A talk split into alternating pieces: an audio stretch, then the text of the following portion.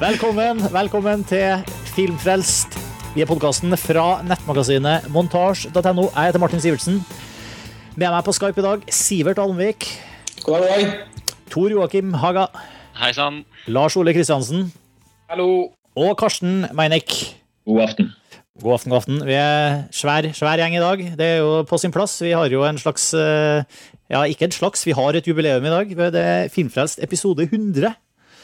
Apparabap. Papparaba. Det er vel tre og et halvt år siden vi hadde episode én og snakka om Slumdog Millionaire.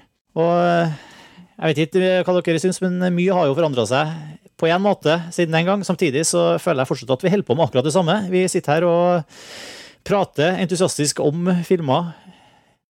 Det er i hvert fall eh, utrolig at det har vært 100 episoder. Det var et veldig bra initiativ eh, fra deg, da, Martin, i sin tid. Ja, det var jo sånn faktisk eh, delvis sånn montasje kom, kom sammen. Ja, fordi uten, uten Filmfrelst så hadde vel, hadde vel ikke i hvert fall vi kommet i kontakt med hverandre. Så det var jo veldig det er litt gøy når vi har visst at vi nærmer oss den 100. episoden og liksom tenker på det at Slumdog Millionaire var en helt ny film. Og vi var på vei til å bli kjent med hverandre, mange, og så har mange kommet til i montasje senere. og liksom det.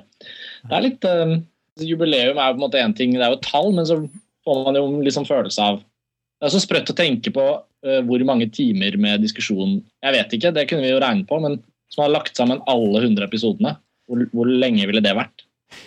Ja, det kan jeg også si. Jeg er også veldig stolt over at vi har det Eller så vidt jeg vet, så har vi både norgesrekorden og kanskje også verdensrekorden i podkasting. I lengde. Ja, det er våre topp 100 fra 2000-tallet-episoder som eh, på henholdsvis sju og fire timer. Til sammen én stor 11-timers episode, delt opp i to, riktignok. Men eh, jeg har i hvert fall til gode å se noen som er lenger. Men uansett så har Filmfrelst spilt en eh, sånn, Det har vært en veldig sånn integrert del av montasje da, hele veien. Mm. Har liksom gått hånd i hånd. Og jeg tror også at det vi gjør på den måten vi omtaler film på og, og prater sammen og sånn, og det Jeg tror det vi gjør på Filmfrelst, kanskje har et litt potensielt annet eh, publikum, eh, delvis overlappende med dem som leser montasj.no, men eh, jeg tror også at det er liksom Vi henter nye folk inn til montasje via Filmfrelst, og folk kanskje oppdager også, går andre veien, at folk som kommer inn til, på montasje, også da oppdager Filmfrelst. Mm. Så det, men vi hadde jo mange diskusjoner her om liksom, hva skal vi finne på for å feire episode 100. Eh, og det, vi, jo liksom, vi, vi kjører jo ofte spesialepisoder. Vi har hatt sånne favorittfilmepisoder. Men vi tenkte liksom hva kan vi gjøre for å virkelig, eller hva er det riktigste å gjøre da, for å feire, feire Filmfrelst? Og vi kommer fram til til slutt at eh, vi har jo faktisk en film som nettopp har hatt kinopremiere. Som eksemplifiserer liksom den, det er liksom den erketypiske montasj-filmfrelst-filmen. På en måte. Eh, og da snakker jeg selvfølgelig om The Dark Knight Rises, som er den tredje filmen i, i Christopher sin Batman-trilogi. Tredje og siste, så vidt vi vet. Um, og det, det er liksom både Batman-filmene, som, som vi generelt har vært unisont veldig, veldig glad i, eh, også Christopher Nolan, som har vært en sånn eh, en av de utvilsomt, eh, i hvert fall for oss i montasje, en av de store regissørene eh, på, på 2000-tallet. En, ja, en, en montasjeregissør, da, for å si det sånn. Ja, jeg opplever veldig Christopher Nolan som en montasjeregissør. Vi har alltid møttes Vi kan jo ofte være veldig uenige om ting, men vi har alltid møttes i kjærligheten til Christopher Nolan sine filmer. Det var vel ikke minst veldig tydelig eh, det året hvor Inception hadde premiere, som er det eneste Christopher Nolan-året som, eh, som har vært før nå, mens montasje har eksistert. Og det var jo Han figurerte jo veldig høyt på de topplistene i 2010, minnes jeg i hvert fall.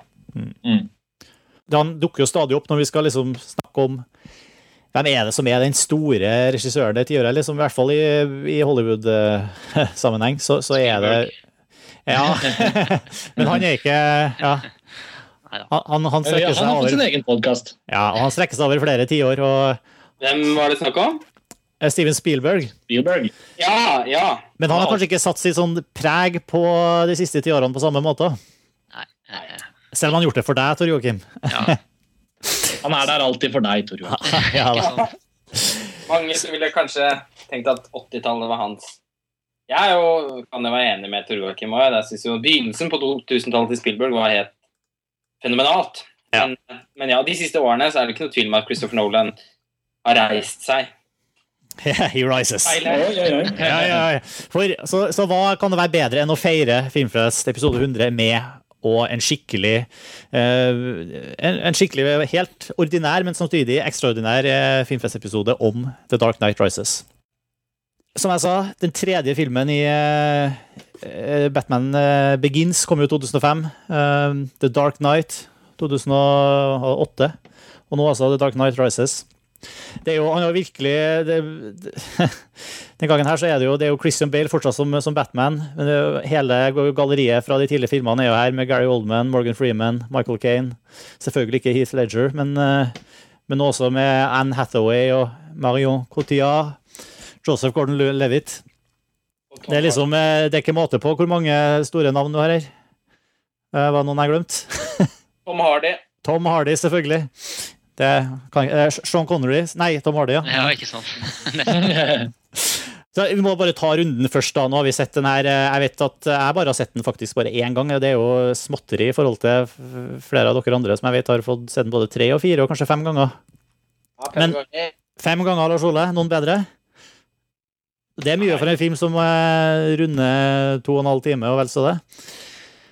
Jeg syns, i likhet med veldig mange andre, jeg synes, så syns jeg at det her var til syvende og sist en veldig eh, verdig og fin avslutning på trilogien. Da. Jeg syns det var en veldig god film.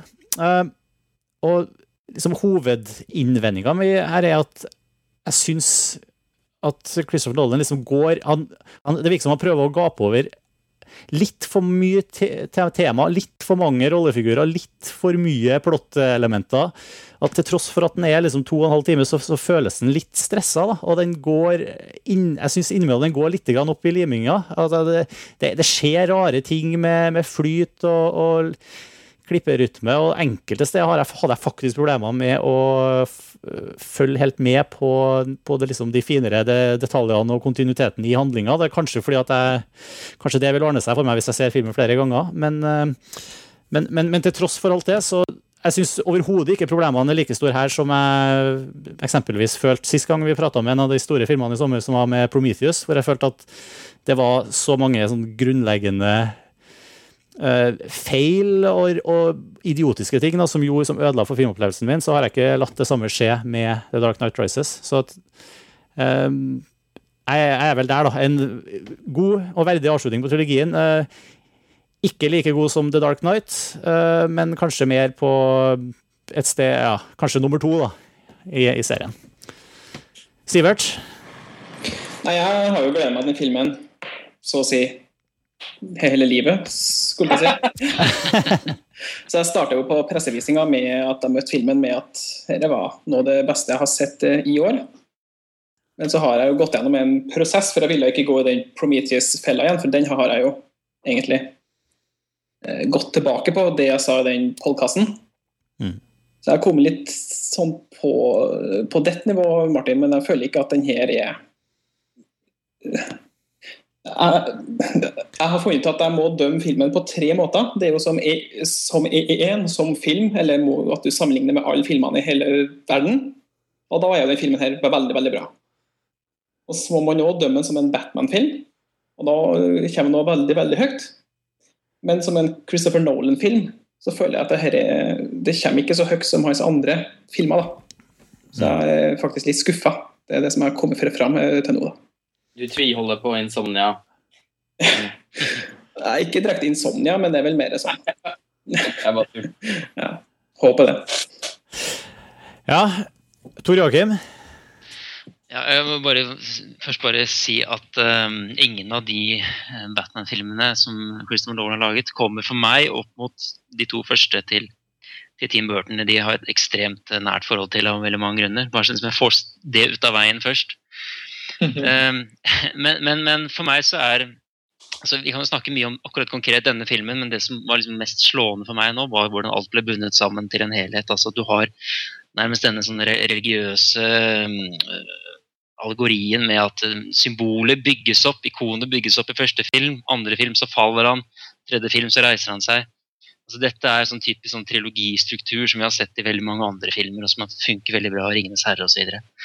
så så hvordan han da, altså Du nevnte at det var litt rotete, men jeg syns tvert imot at, det var, at han måtte ta med så mange elementer for å knytte de tre filmene sammen, som jeg følte liksom var hovedmisjonen hans.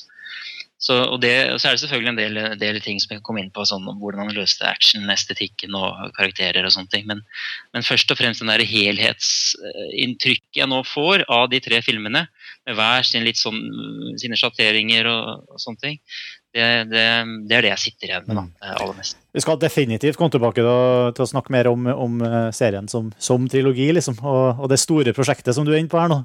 Ja, også litt i detaljene og sånn, men det kan vi komme litt tilbake til. Mm. mm.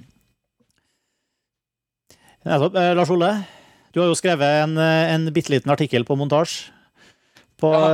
hvor mange tusen ord? Seks? Nei. I hvert fall en, en, kjempegod artikkel, i hvert fall, om, som var en fryd å lese hvor du eh, erklærer din kjærlighet for filmen. Så, men du kan jo likevel eh, opp oppsummere kjapt. Og kjærlighet i adjektiv. ja.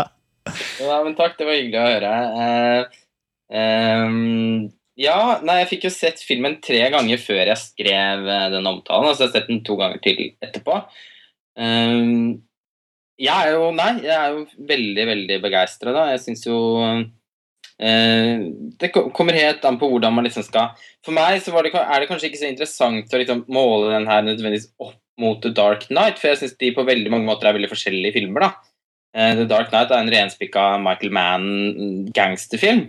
Dette her er jo mer eh, Jeg føler at denne filmens misjon kanskje først og fremst er å binde sammen filmene til en helhet. Da, og løfte det liksom opp til å bli en, virkelig en trilogi, da. Um, den henter jo inn mye fra Batman Begins også.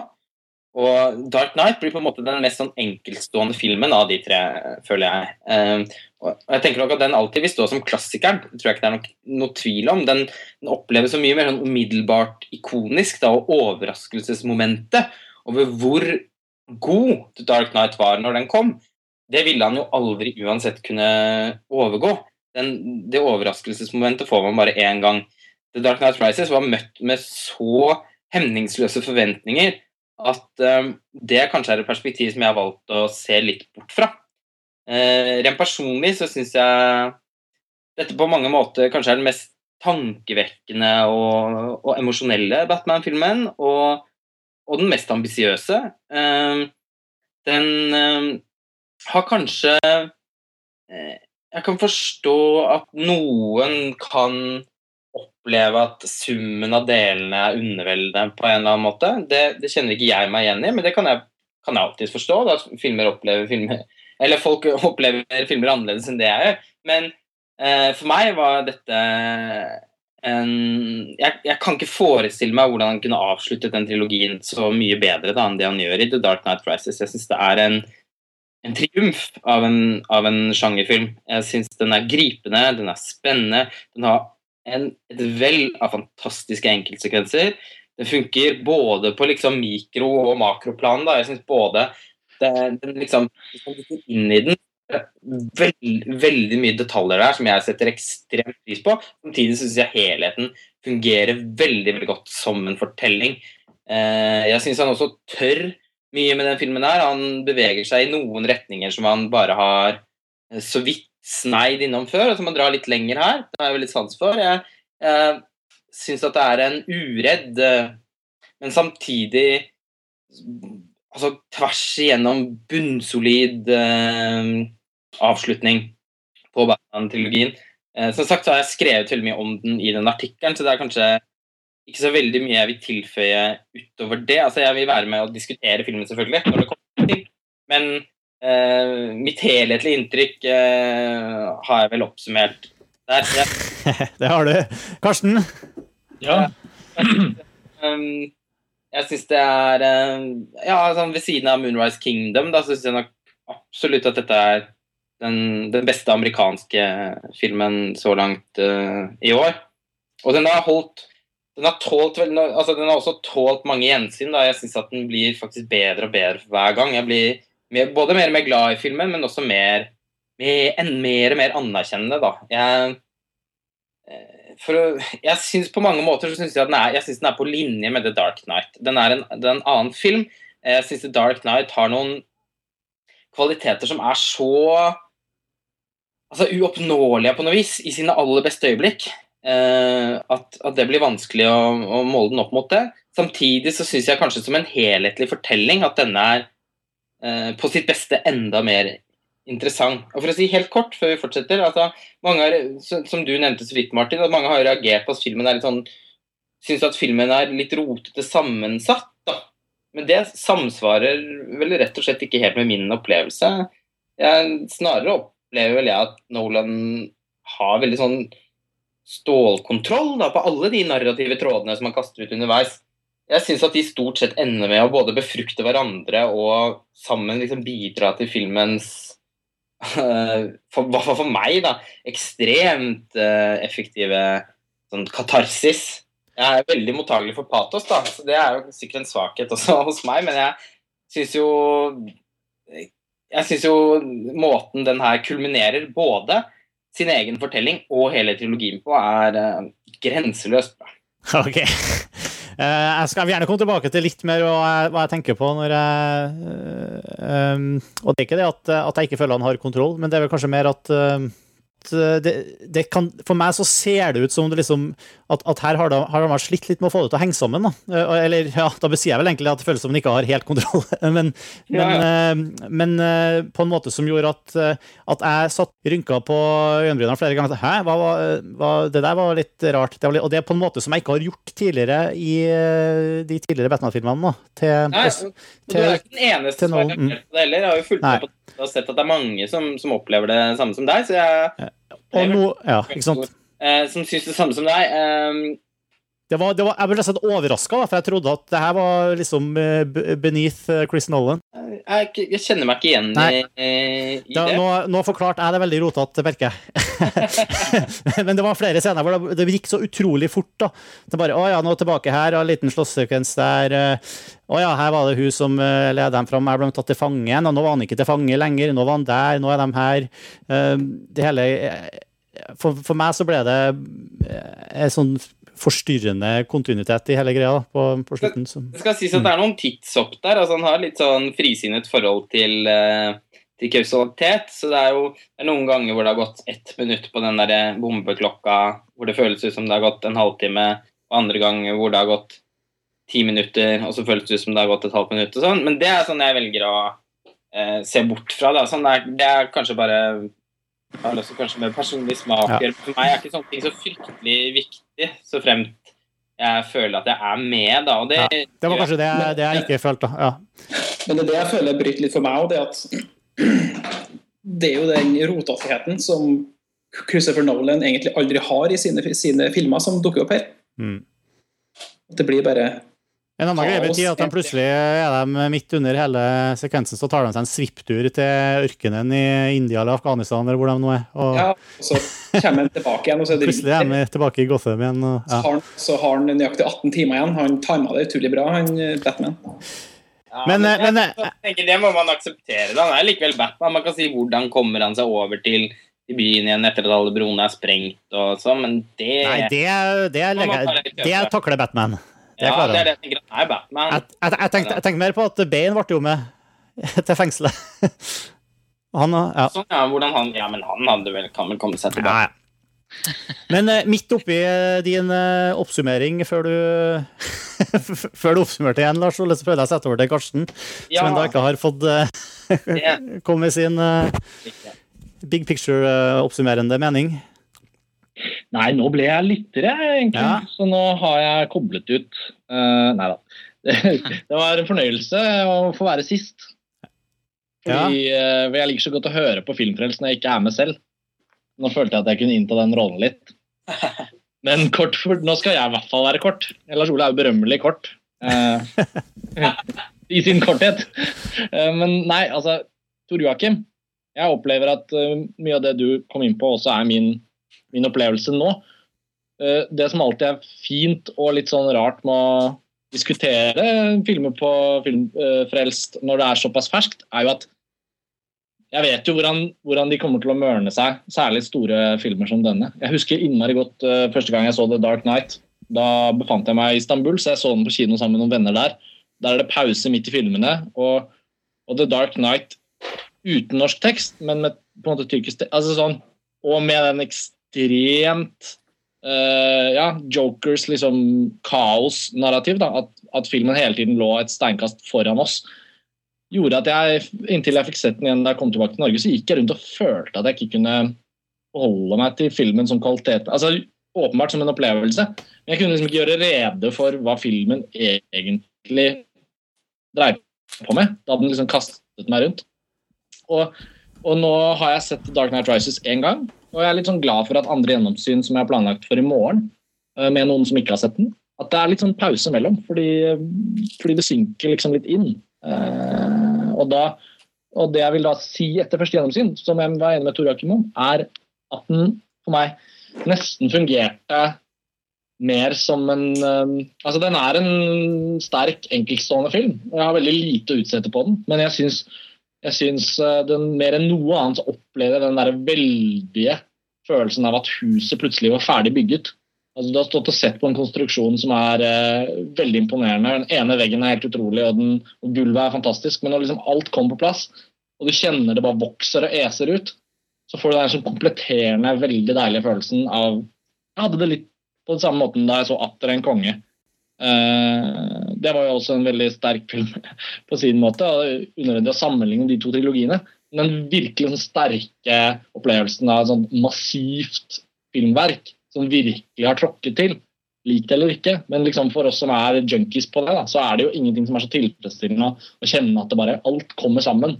Alle de små elvene bare samles og bare blir en stor, stor ting. Sånn hadde jeg det veldig med Dark Night Rises. Så har jeg det for så vidt ennå. Mm. Var det kort nok? Det var, det var kjempefint, Karsten. Nei, det, jeg har masse, jeg har veldig, det er mye detaljer og ting jeg syns det har vært morsomt å, å, å diskutere. og sånn, så jeg, Kort sagt, jeg ble jo ikke skuffet i det hele tatt. Min favorittfilm av Christopher Nolan, for å plukke opp tråden din, Sivert, det er fremdeles 'Inception'. For meg er det en sånn mm. Det er så sterkt at det er en original idé som ikke er en tegneserieadaptasjon. Som, mm.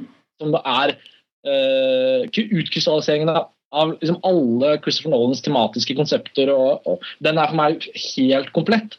Og skulle gjort en ny filmfrelst om Inception nå, så ville jeg hatt utrolig mye mer å si om den enn jeg hadde den gang. Eh, sånn at eh, og sånn vil det sikkert være med Batman-trilogien hans også. At om to, tre, fem år så, så ser vi kanskje enda annerledes, mer annerledes på den. Jeg hadde for øvrig gleden av å se både Batman Begins og The Dark Knight om igjen like før jeg så Dark Knight Rises. Så trilogien ble veldig sånn komplett da jeg gikk også. Jeg kan også tilføye at jeg er jo også enig i eh, Der regner jeg med at Tor Joakim eh, sikkert også er enig i at jeg syns også Inception fortsatt er hans aller Det er liksom hans hovedverk også for meg, da. Av akkurat de årsakene som Karsten nevner. Det er også en film som på tross av hvor godt man enn likte den når den kom, og så fikk den en sånn slags merkelig backlash. Eh, og så, så, man nesten ble liksom preget av, så man tenkte hm, hm, ja ja, jo, vi får se. Men når man plukker opp den filmen igjen, og går inn i den nå, så er den jo helt Den er jo virkelig Vanvittig. Stort eh, verk, syns jeg. Men, til, men altså, til, til, til, tross for at Batman-serien her, til de tre filmene er adaptasjoner på en måte av en tjeneste, så er det jo Jeg er utrolig imponert over hvor mye han har skapt og fått den Batman Ikke bare Batman-figuren, men hele det Batman-universet og eh, Batman-mytologien. Hvor mye han har fått ut av det da, og gjort det til sitt eget. altså I sterk kontrast til alt Nå, ikke, nå kjenner jeg ikke tegneseriene så godt, men i kontrast til alt jeg har sett tidligere av Batman som TV-serie og film, liksom fra det ytterste liksom camp superfamilie, nesten bar, altså barnevennlige, til, til de filmseriene til Burton og de nesten katastrofalt dårlige filmene som kom etterpå, med, i hvert fall med George Clooney. Og, og da, hvor, når du ser alt det her, så er jeg utrolig uh, imponert igjen over hvor mye Nolan tilfører Batman. Hvor mye han, Og du, du, sa det litt i stad, og det kommer kanskje mest fram i siste filmen her også, hvor mye Hvor emosjonelt det er, liksom, hvor, hvor, veldig voksent det her har blitt som en sånn superheltfilm. og også i kontrast til alt som jeg har sett de siste årene fra, fra Marvel, og inkludert X-Men-filmene. Hvor mye Uh, uh, melankoli der, hvor mye uh, Intelligens òg. Intelligens, mm.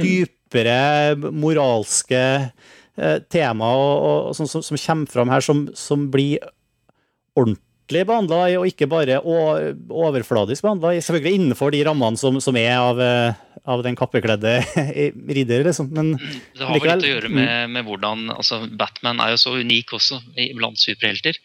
Eh, så det, han har jo for så vidt gjort det litt lett for seg selv, da, Nolan, med å velge han fremfor eh, noen annen, tror jeg. Ja, men eh, samtidig, samtidig, så tenker jeg at jeg tror kanskje ikke Nolan sitt prosjekt med å gjøre Batman var å nødvendigvis gjøre, bare gjøre ære på den tegneserien. Jeg tror nok også han valgte seg Batman som Jeg tror han så mulighetene som lå i det universet, til å kunne lage et autørverk da, som han rett og slett har gjort med, med den Batman-trilogien sin. Um, hvor han tar opp han, han, skaper et bilde Det er et veldig sånn samtidsaktig bilde. Det er en veldig forstørrelse av vår samtid. Han klarer å si noe om Særlig om terrorsamfunnet da, eh, i de Batman-filmene, og, og, behovet vårt for, for, å tro på noe større. Eh, så han har brukt Batman som en mytologisk figur til å kanskje fortelle noe som jeg i hvert fall ikke syns tidligere filmatiseringer av Batman har vært i nærheten av. da.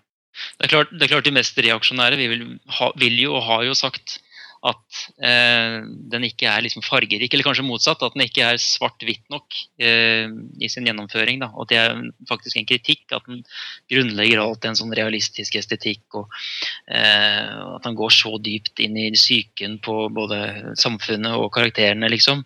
Mm. Eh, at du mister litt av det popkorn-elementet. Men, men jeg, jeg, er jo ikke enig i det selv, men det er, jeg har registrert at det har vært en del kritikk. Eh, mot Ja, men kritikk, men er det, han er jo en veldig imperfekt helt. da. Han er jo ikke en, en superhelt, han er jo nesten bare en helt. altså han er jo så sårbar, om Batman. Særlig i den siste filmen. Er jo det gjort enda mer ut av det, men han er jo Han, er, han, han, han klarer jo ikke å ut, altså, følge sine egne prinsipper. Han, er, han vil jo altså, vil gjøre godt, men ender jo opp med å gjøre det, det de, ja, som du sier, det er så, det er så samtids... Uh, han ender jo opp med, med, å gjøre alle de tingene som, som han sier til seg selv at han ikke skal gjøre. og han, han er så, så, sårbar og så utrolig avhengig av ikke bare sine venner, kontakter og nettverk, men også det, utrolig, det enorme eh, militære apparatet han har.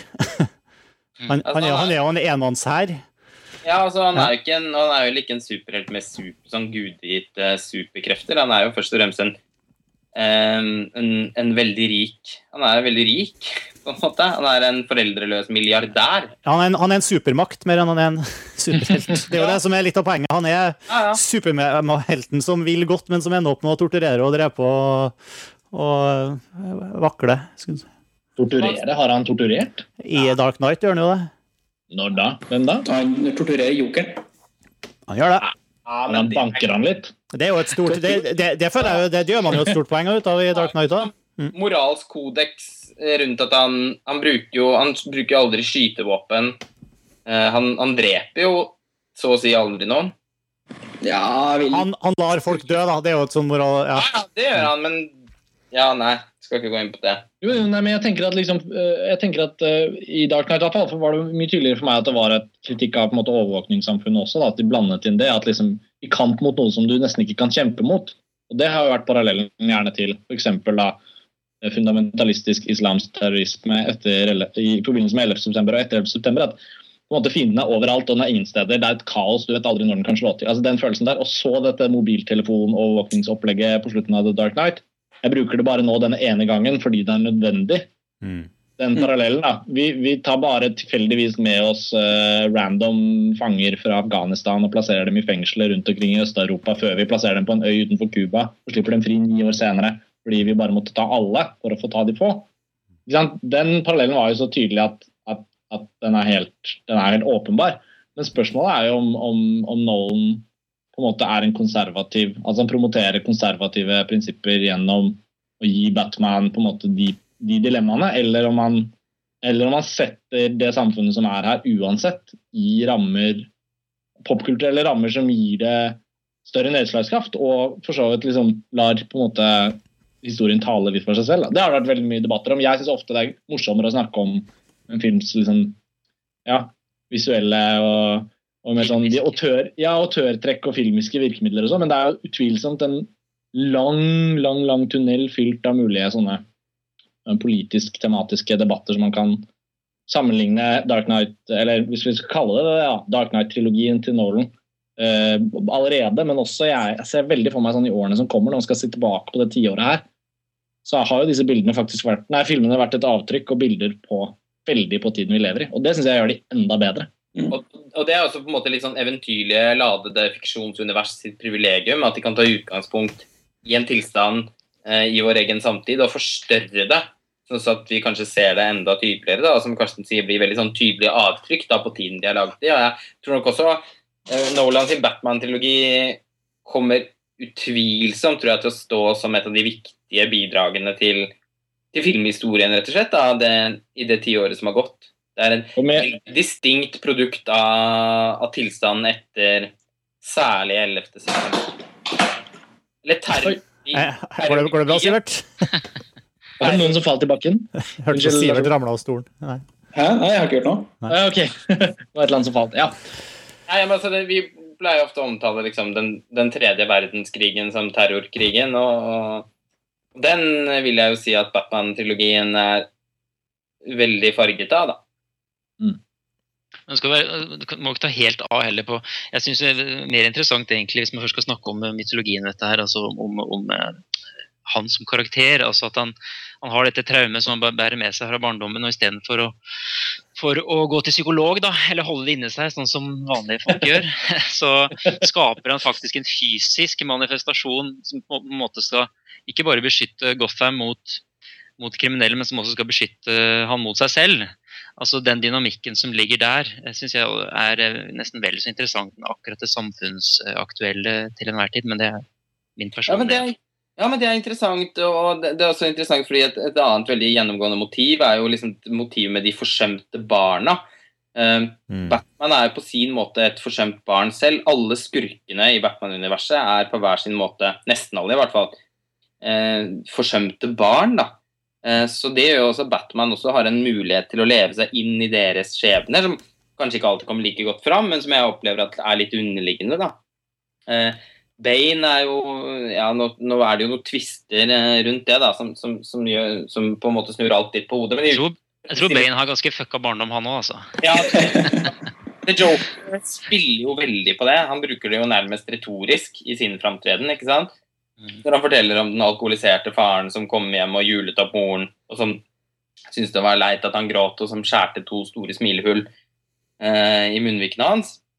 Og så forteller han en annen versjon etterpå, fordi Joker er en manifestasjon av kaos.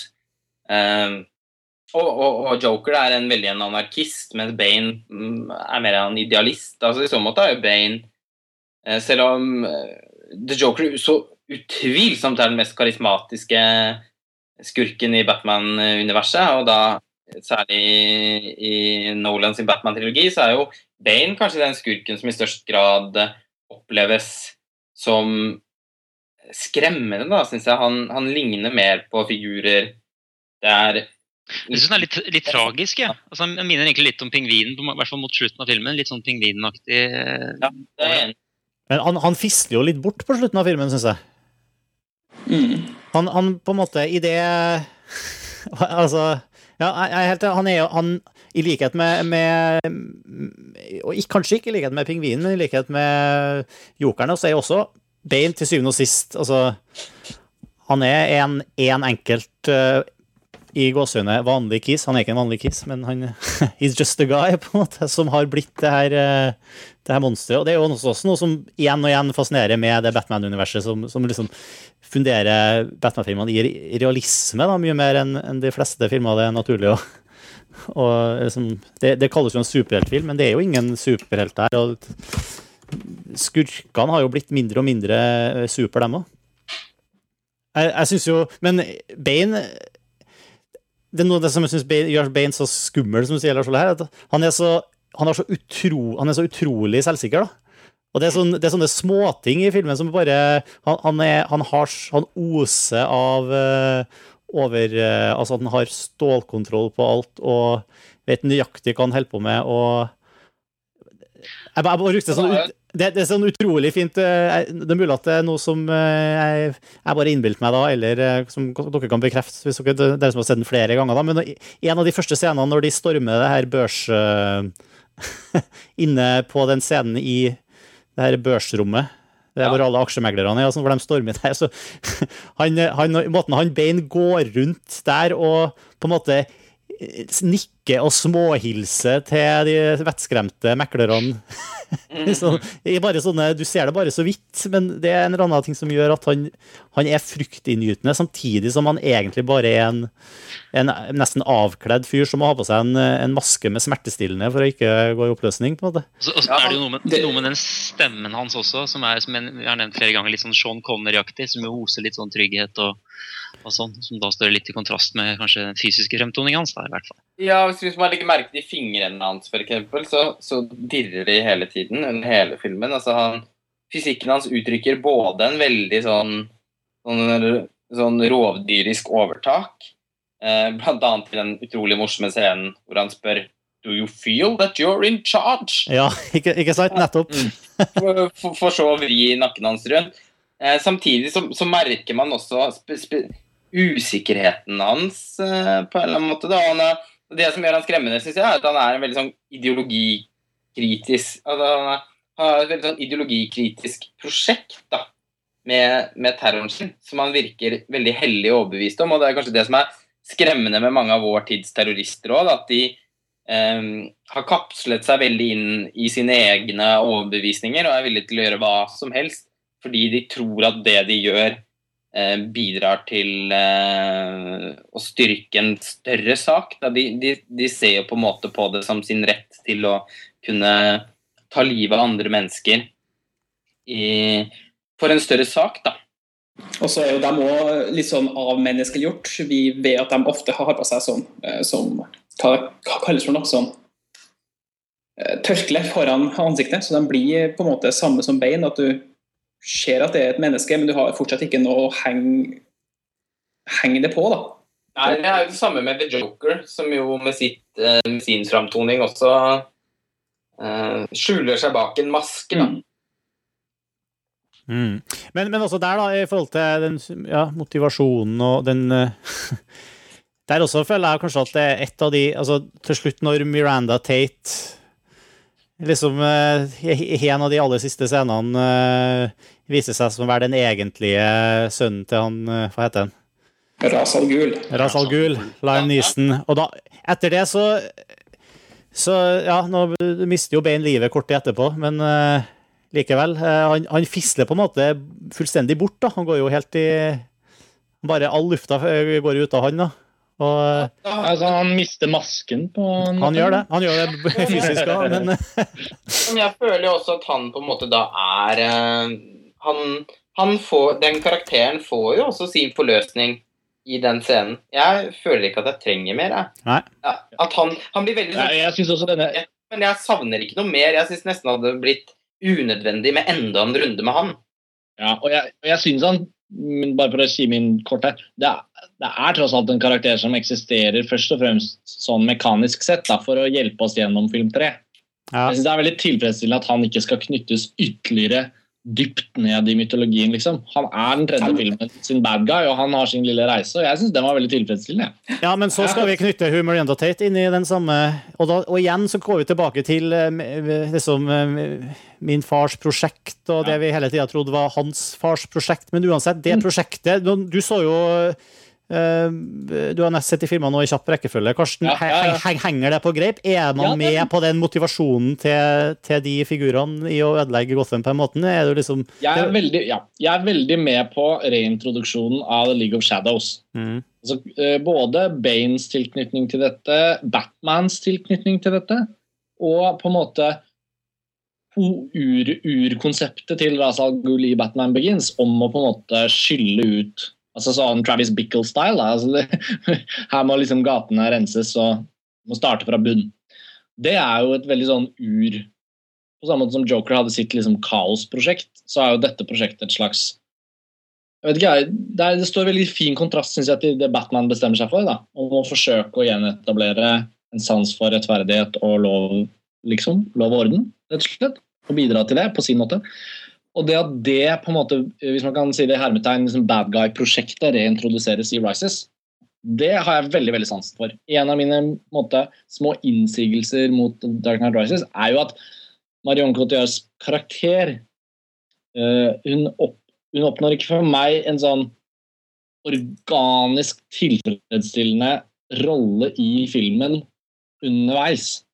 Det, var ikke noe sånn stor krok for meg i det hele tatt. Det ble først og fremst egentlig mest tilfredsstillende da hun faktisk viste seg å være den hun var. Jeg hadde mer problemer med at hun måtte dukket opp på, på trammen uh, i, i, Wayne Manor og kose seg litt foran peisen. Og så. altså, sånn, da følte jeg liksom sånn åh, Jo, jeg skjønner jo at hun skal være et eller annet og skal bety noe, og hun kommer vel til å bli avslørt som et eller annet. Jeg husket også vagt bak i hukommelsen et eller annet rykte på internett om at hun kanskje skulle spille Razal Gulls datter. Men det hadde jeg glemt igjen, og så kom jeg på det da avsløringen kom. Men jeg hadde med problemet med at hun kanskje var litt mekanisk plassert underveis. Men så da det liksom skiftet kom, da var jeg helt med på det. Ja, Jeg Prosjektet var godt plassert. Ja. Ja, det er jeg litt enig i. Altså, jeg syns også hun er litt underutviklet da, som en karakter. Hun er jo en så god skuespiller. Jeg tenker de kunne, de kunne virkelig liksom Der tror jeg det er noen deleted scenes, da. Jeg tipper det er Ja. hun som har tapt mest. Ja, det, det tenker jeg. Der er det litt mer potensial. Hun oppleves som litt underutviklet, og hun blir nok veldig mye en sånn narrativ strategi, rett og slett. da. Eh, Ja. men, men jeg er også veldig positiv til det at de drar inn Skyggenes liga igjen, fordi at de eh, Skyggenes liga er noen som har nærmest valgt å leve i askese, da. Og eh, grunnen til at Gotham hele tiden er sentrum for alle disse eh, all denne undertrykkelsen og all denne terroren som, som, som Gotham blir utsatt for, er jo nettopp at det er liksom kapital, kapitalismens høyborg. da. Og eh, Skyggenes liga har jo eh, er jo liksom eh, Markerer jo en veldig avstand til det. De lever jo nesten en sånn buddhistisk tilværelse. Det er, det er, jo, det er jo mye mer møysommelig skildret i den første filmen. Altså Før man ser The Dark Night Rises, er det jo Batman Begins man eventuelt må friske opp. Eh, I større grad enn The Dark Knight. Hvor Mm. først og fremst den Harvey Dent-historien uh, gjør seg gjeldende. Men, men, uh, men jeg har også veldig sansen for det at han Jeg syns han fullfører det at, at, at skurken i Batman sitt ideologiske prosjekt, da, på en måte, det, deres prosjekt med å brenne ned Gotham, som en slags bråtebrann, da, brenne ned Gotham og bygge det opp fra nytt igjen, det syns jeg jo Jeg har veldig sans for at han følger opp det. Det ble veldig kastet ut i Batman Begins, og det løses på en veldig bra måte der. Men slutten, mot slutten av Batman Begins har man en liten følelse av sånn Man mangler kanskje en siste forløsning, og den filmen er jo veldig en begynnelse på nå. Ikke sant? Den, den legger jo åpenbart opp til at det skal komme, komme noe mer. Og, men samtidig så ble jo den filmen kanskje litt forsømt i The Dark Night Process. Eh, ikke i negativ forstand for filmen i seg selv, fordi den er helt utrolig. Eh, men jeg har veldig respekt for at Nolan tar tilbake de trådene og på en måte elter de videre og gjør trilogien som helhet, syns jeg blir veldig mer gjennomtenkt, da. Jeg er litt uenig der. Altså. Jeg føler ikke at trilogien er så utrolig helhetlig. De to første, eh, Batman Begins og The Dark Knight, de henger veldig godt sa- sa- sammen. Men så kommer det jo da The Dark Knight Rises, som egentlig bare dropper alt det andre. De dropper denne Dent Act, de dropper det med at Rachel dør. De bare fortsetter på en veldig kul voldsorgie. Nei, det gjør de. Det, er, det, er jo, det kan jeg ikke si. Her har du et samfunn som har levd i åtte år på en lov som er faktisk er løgn. Og så velger han ikke Men- gjøre så mye med det. Det er kun Bane som finner noen pa papirer som ingen vet stemmer, og så står han og leser det foran et fengsel.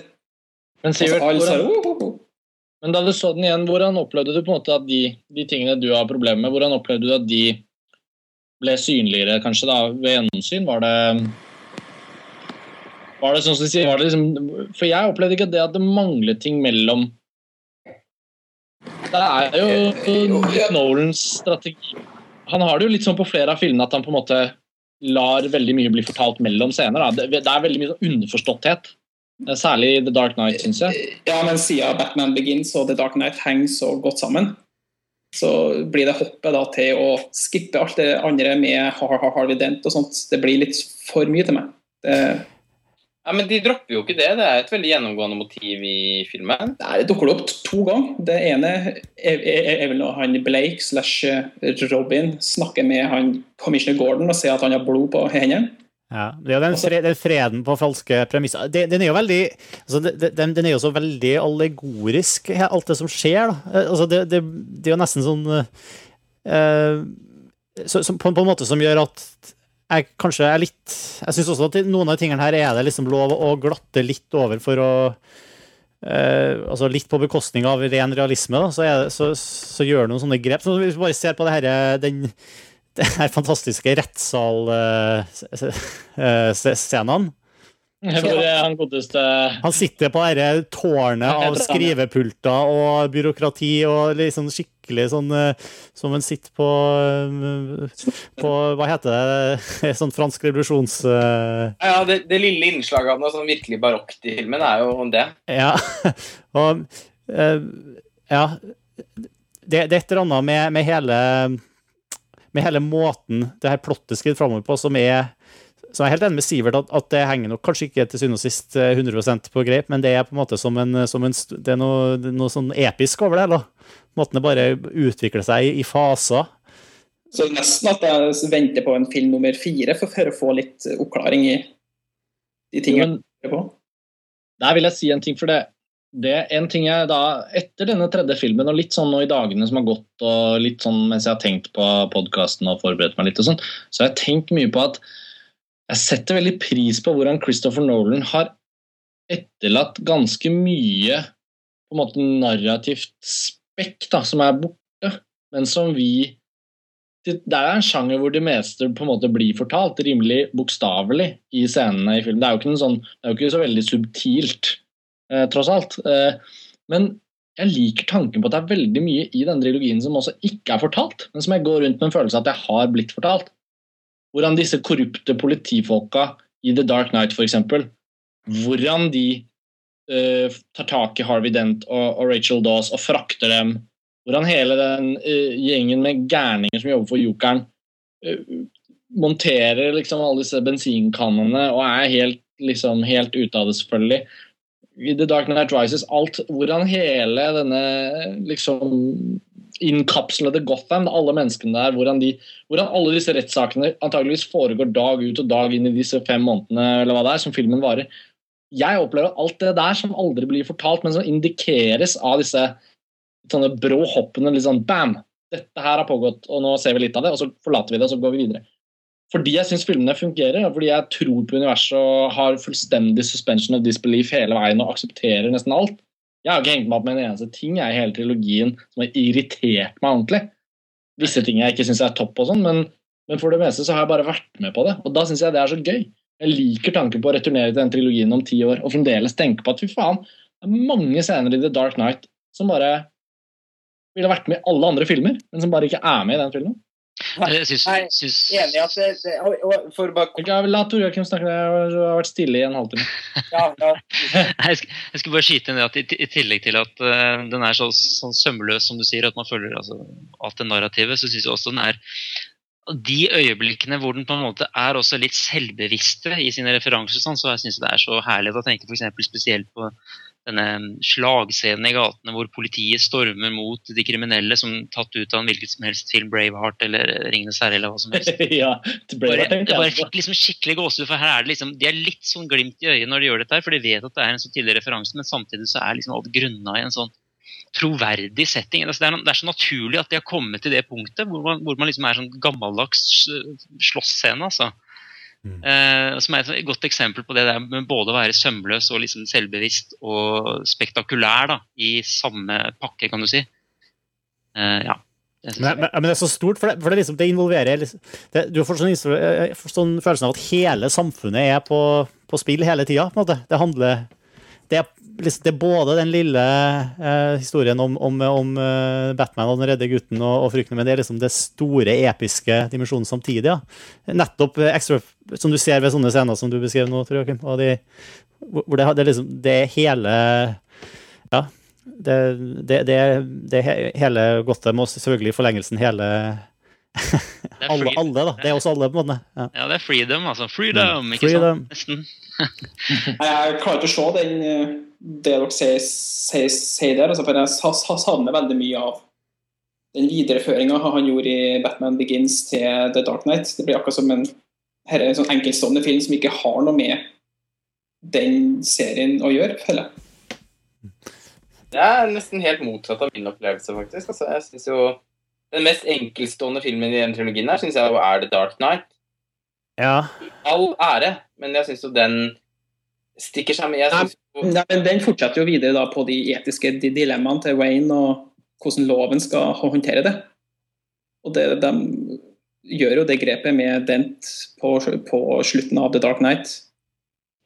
Kun for å sørge for at loven fungerer. Da. Men det, de kjører ikke videre på, på det i eh, The Dark, Knight, eh, The Dark Knight Rises, og det skuffer meg. Eh, Men så, kan man si at, men så kan man si at Dark Knight plukker opp nesten ingenting fra Batman Begins, bortsett fra Joker-kortet på slutten. da. Og så er det Dark Knight Rises som kanskje plukker opp mer fra Batman Begins, men også preges fullstendig av hva som har skjedd i The Dark Knight. da. Ja, men The Dark Knight fokuserer ka- ka- kanskje mer på Bruce Wayne som Batman, og omvendt, føler jeg. da. At det er mer den biten de tar ned. Og så har de hoppa over. altså Nå kjører de da dere Skyggenes liga. Ja. Skipper de da Bruce Wayne og Batman sine problemer, og hvordan loven skal håndtere Men, men, se- men, men, men det synes jeg blir jeg, jeg satt jo med tårene i øynene, og det var selvfølgelig meninga. Siden Michael Kane gråt så mye, så klarte jeg ikke å unngå det heller. Men, men jeg syns jo jo det var veldig virkningsfullt. eh, Vel, alt det som skjedde med Bruce Wayne altså, i eh, The Dark Knight Rises. Jeg, jeg satt jo helt Jeg var jo nesten knust. Siste, si- siste scenen der var jo da, Selv jeg som påstår at jeg er så hardbarka, det er jeg jo ikke. jeg, jeg, jeg fikk skikkelig klump uh, i den siste scenen ved, ved, ved den kafeen. Ja, ikke sant. Skal avsløre for mye. Ja. ja, det er helt utenpå, Å, ja. flott. Hele øya, men det var bare sånn OK, da var vi ferdig med Nå skal vi slåss mot bein i eh, to- 50 minutter, nei, i 30 minutter. Nei, det kjenner jeg meg ikke igjen i. Altså. Jeg synes jo også jeg synes De siste 15 minuttene i det hele tatt er en sånn veldig emosjonell katarsis, syns jeg. Han trykker på alle knappene, riktignok, da.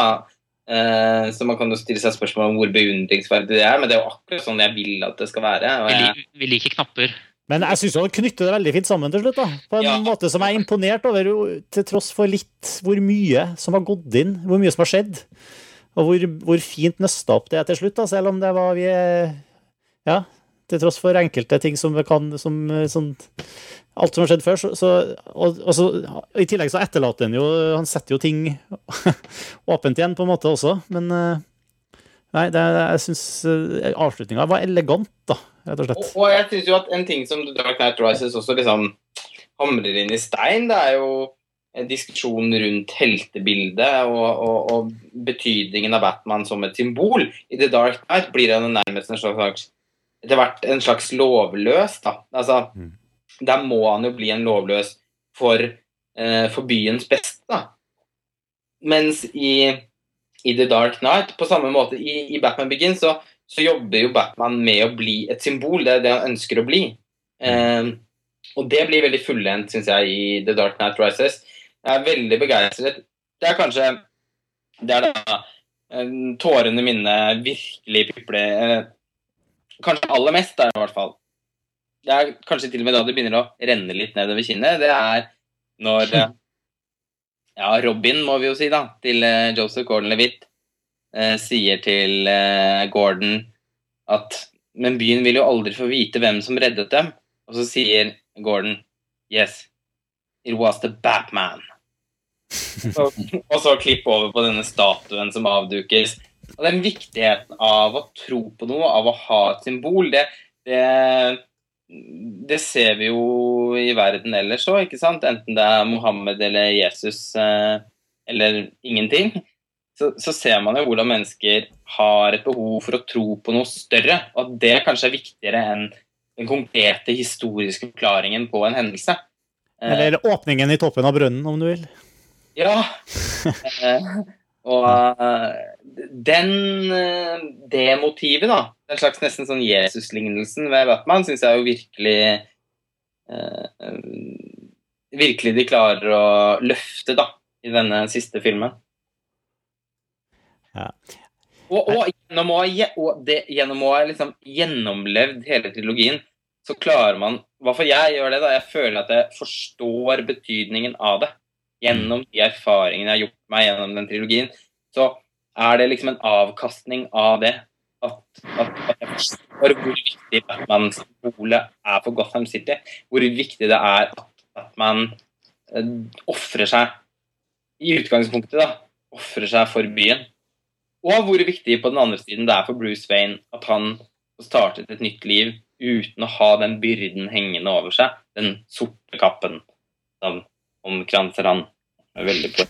Jeg har jo også lyst til å trekke fram eh, altså inn på hvor, hvordan eh, Miranda Tate kanskje ikke var den heldigste utvikla figuren, men den som jeg var veldig overraska over, var hvor utrolig effektiv og, og, og, og kul hun Anne Hathaway var som Catwoman, og hvor, hvor viktig og hvor interessant den figuren var. da. Til tross for at, at Mm. i for- i forhold til hva jeg hadde frykta, på en måte. Eller som det var kanskje altså, eh, Og ikke minst i forhold til det her med, med hvordan hun på en måte eh, først er, er tiltrukket, naturlig nok, av de litt sånn eh, anarkistiske, naturromantiske, eller hva man skal kalle det. eh, hun blir trukket mot det som Bane og League of Shadows står for, da. Eh, Ja, hun er jo kriminell, så ja, men samtidig som at eh, hun på en måte vipp, hun, på en måte, hun spiller en veldig fin vipperolle, føler jeg. da. Mellom, mellom de uh, skurkeleiren og and the good guys, på en måte. Anakin Skywalker. Ja, Ja, det er veldig fint når eh, Batman spør henne om å bidra, på en måte, fordi han mener at hun har mer to i seg enn enn det hun kanskje har vist så langt. Hvor hun også kontrer han med å si at ja, men kanskje dette er sånn Kanskje dette er denne byen jeg egentlig ønsker. mm, ja nettopp. Mm. Ja, det, ja, jeg syns det funka kjempebra. Og, og hun, var- hun var jo også veldig uh, Ja, det var en, en veldig kul rolle. I den Hun var også veldig pen. Ja, hun er så pen, så det er Det må være lov å si. Jo, men, men ja, ikke sant. Altså, og måten de har liksom brukt alle Anne Hathaways fysiske fordeler på beste vis. Når de har, når de har bestemt seg for dette kostymet. Hun er liksom som også skriver i artikkelen, da, hun er første innslag av noe sånn distinkt sexy da, i Christopher Nolan sitt univers. Som jo ofte oppleves nesten som litt sånn frigid. Um, som, Men- som også er med på å mykne opp uh, uh, mykne opp Batman og Bruce Wayne. Da. Man, man, man, jeg merker at man- får liksom man får, Deres romantiske relasjon er i utgangspunktet også litt sånn underutviklet, men jeg kjøper den veldig også fordi man virkelig kan forstå hva han lar seg forføre av. da. Hvorfor han syns at hun er fryktelig spennende. Det var jo litt sånn Planet of the Apes-romantikk på slutten der. OK, vi, vi blir sammen. Ja, men det syns jeg er helt supert. De er, så jo så kule begge to. De fortjener hverandre. Det blir sånn idiotforklaringen på Men, men jeg, jeg syns også hun satt, satt veldig godt i den filmen. da. På en måte som eh, Og på en kanskje enda bedre og, og liksom dypere måte enn enn en forrige gang vi så Catwoman. Nei, Michelle Pfeiffer er Nei, jeg liksom Catwoman for meg, altså. Ja, det, det, ja det, det var kanskje ikke forrige, men det var Michelle Halle Pfeiffer jeg tenkte på. Ja, det var ikke, det var ikke Hal Berry jeg tenkte på. Jeg tenkte på eh, selvfølgelig mye, mye bedre enn Hal Berry, men jeg tenkte på, på um, Catwoman i Batman Returns, er det vel? Mm. Ja, Michelle Pfeiffer. Ja, som også var en veldig kul rollefigur. Men jeg bare tenkte, jeg syns hun satt tematisk uh, støpt i filmen veldig bra her, da.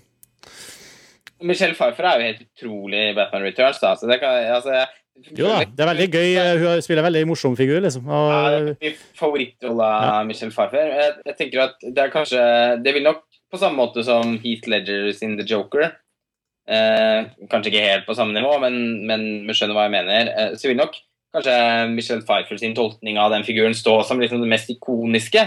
Men eh, hun kunne ikke vært bedre i konteksten til denne filmen og til denne trilogien enn det Hathaway eh, gjorde henne til. da. Jeg, Mm. jeg syns jo Anne Hathaway i det hele tatt er en helt fantastisk bra skuespiller. men nå snakker jeg kanskje like mye om figuren i filmen som, som jeg gjorde om skuespilleren.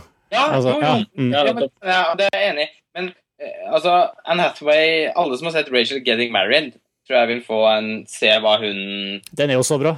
Ja, og hun gjør, det, gjør en helt utrolig rolleprestasjon i den filmen. Som hun egentlig skulle vunnet Oscar for, syns jeg. Og, men, men hun har Anne Hathaway er en så god skuespiller at hun vet å spille på nyanser. da. Og Det var kanskje det man var litt sånn stresset for i forkant av The Dark Knight Rises. Hvordan de skulle kunne klare å implementere en såpass karikert karakter som Catwoman, uten at det ble rart. Og det har de jo gjort på aller beste vis. Da. Hun er jo filmens mest fornøyelige figur, syns jeg. Ja, hun, hun gir veldig mye varme til et ellers eh, Det var jo Kjetil Lismoen som skrev det i Aftenposten eh, med en type argumentasjon som ikke jeg var fullt så enig i, at filmen ville kollapset uten. Det tror jeg ikke, men det var noe varme som hun tilførte med hele, sin, hele sitt nærvær, og også selvfølgelig hvordan karakteren var skrevet. Det, var, det var utrolig fint. Ja, det var helt fantastisk. eh, Den, første, den, første, den ene scenen i begynnelsen av filmen hvor hun skal avlevere de fingeravtrykkene til Bruce Wayne, til de håndlangerne til Bane, hvor de da eh, overmanner henne og, og på en måte bryter avtalen, da. Måten hun agerer på der, ikke minst når politiet kommer inn, hvor hun med en gang spiller på eh, rollen som et sånn, sånn antatt kvinnelig offer. Og den gråten hennes som da går over til å bli en sånn der slu geip, det er noe av det mest fornøyelige jeg har sett uh, i år, tror jeg. Den scenen gleder jeg meg til hver eneste gang. Og det har også mye å gjøre med Anne Hathaway sitt skuespill, da, som er sånn spot on. Hun nailer den karakteren helt suverent, uh, vil jeg si.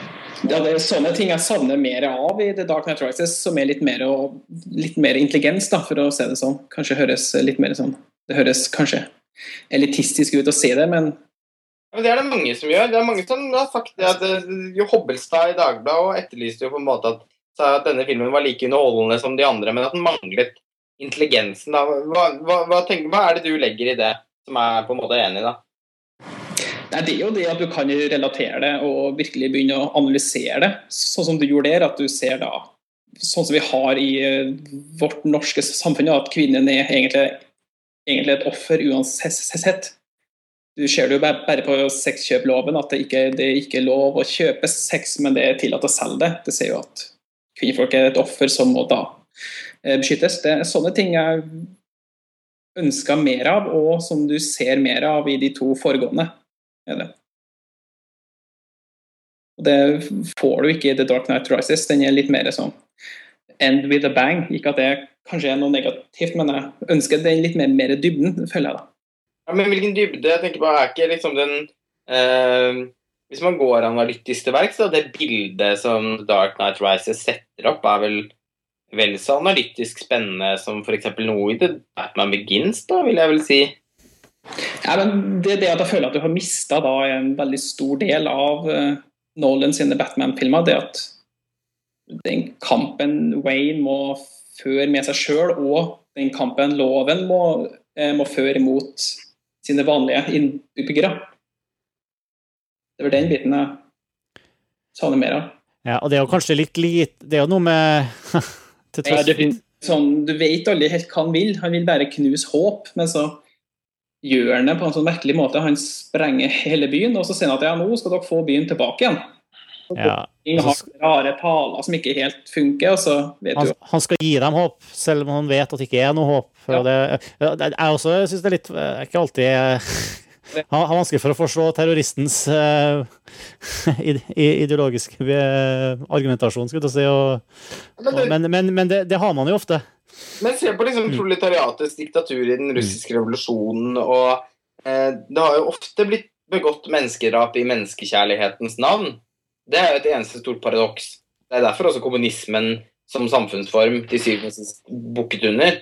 Det er jo den Det er jo det Bane på en måte forestiller seg i, i The Dark Knight Rises. Man kan si, da, det, det syns jeg også, at man, man kunne kanskje Noe jeg savner med filmen, er at jeg skulle likt å sett jeg skulle likt å sett mer av byens befolkning. Altså, De er litt fraværende i filmen. Jeg skulle eh, likt et mer nærværende bilde av hvordan befolkningen i byen reagerer på hendelsene som skjer. Mm. Det er svakhet med filmen. De er, an de er litt, litt av anonyme masser. Det var jo en der, som sa at sjelden har 12 millioner mennesker eh, Eller sjelden har skjebnen til 12 millioner mennesker vært så utrolig kjedelig. Det syns jeg var en veldig passende eh, setning som oppsummerer hele The Dark Knight Rises. At du bryr deg ikke om de folkene der. Du vet ikke helt hva de vil. De, du vet ikke om de har fortsatt den dekadensen og den der grufullheten de gjorde i Batman Begins. Men vi får jo isteden bry oss om de 25 barna på en buss. Som, de representerer helheten. ikke sant?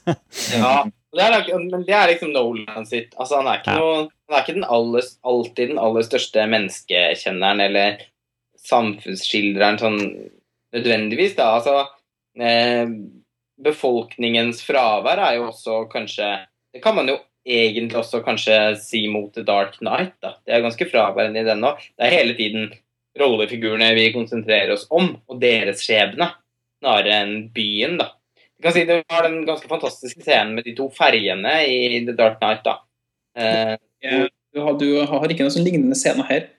Nei, du har ikke det. Det er sant. Altså, jeg syns, definitivt at, at man kunne Men det, filmen har jo ikke rom for mer, på en måte. Og det, er- det er jo der kanskje den kritikken mot, uh, mot at den er så tettpakket også kommer inn. da, at Ved å være så vanvittig avhengig av å snøre opp alle disse trådene, da er det noe som blir liksom ofret på funksjonalitetens uh, alter, hvis man kan si det sånn.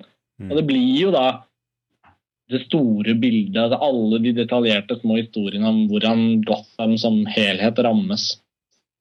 Uh, og jeg synes jo på en måte I Begin så er det dette når de går ut på uh, liksom under Ras Al Ghul og de skal ut der på det fengselet, og alle disse fangene slippes fri, og du får en følelse av på en måte Gotham som, som helhet. da. Dark Knight også, uh, hvordan panikken rammer, og, og både med sykehussekvensen og, og med den med, med båtene. Mens her er det merkelig nok mer, enda mer nesten, nesten som står på spill for Gotham, fordi hele Gotham skal basically jevnes med jorden.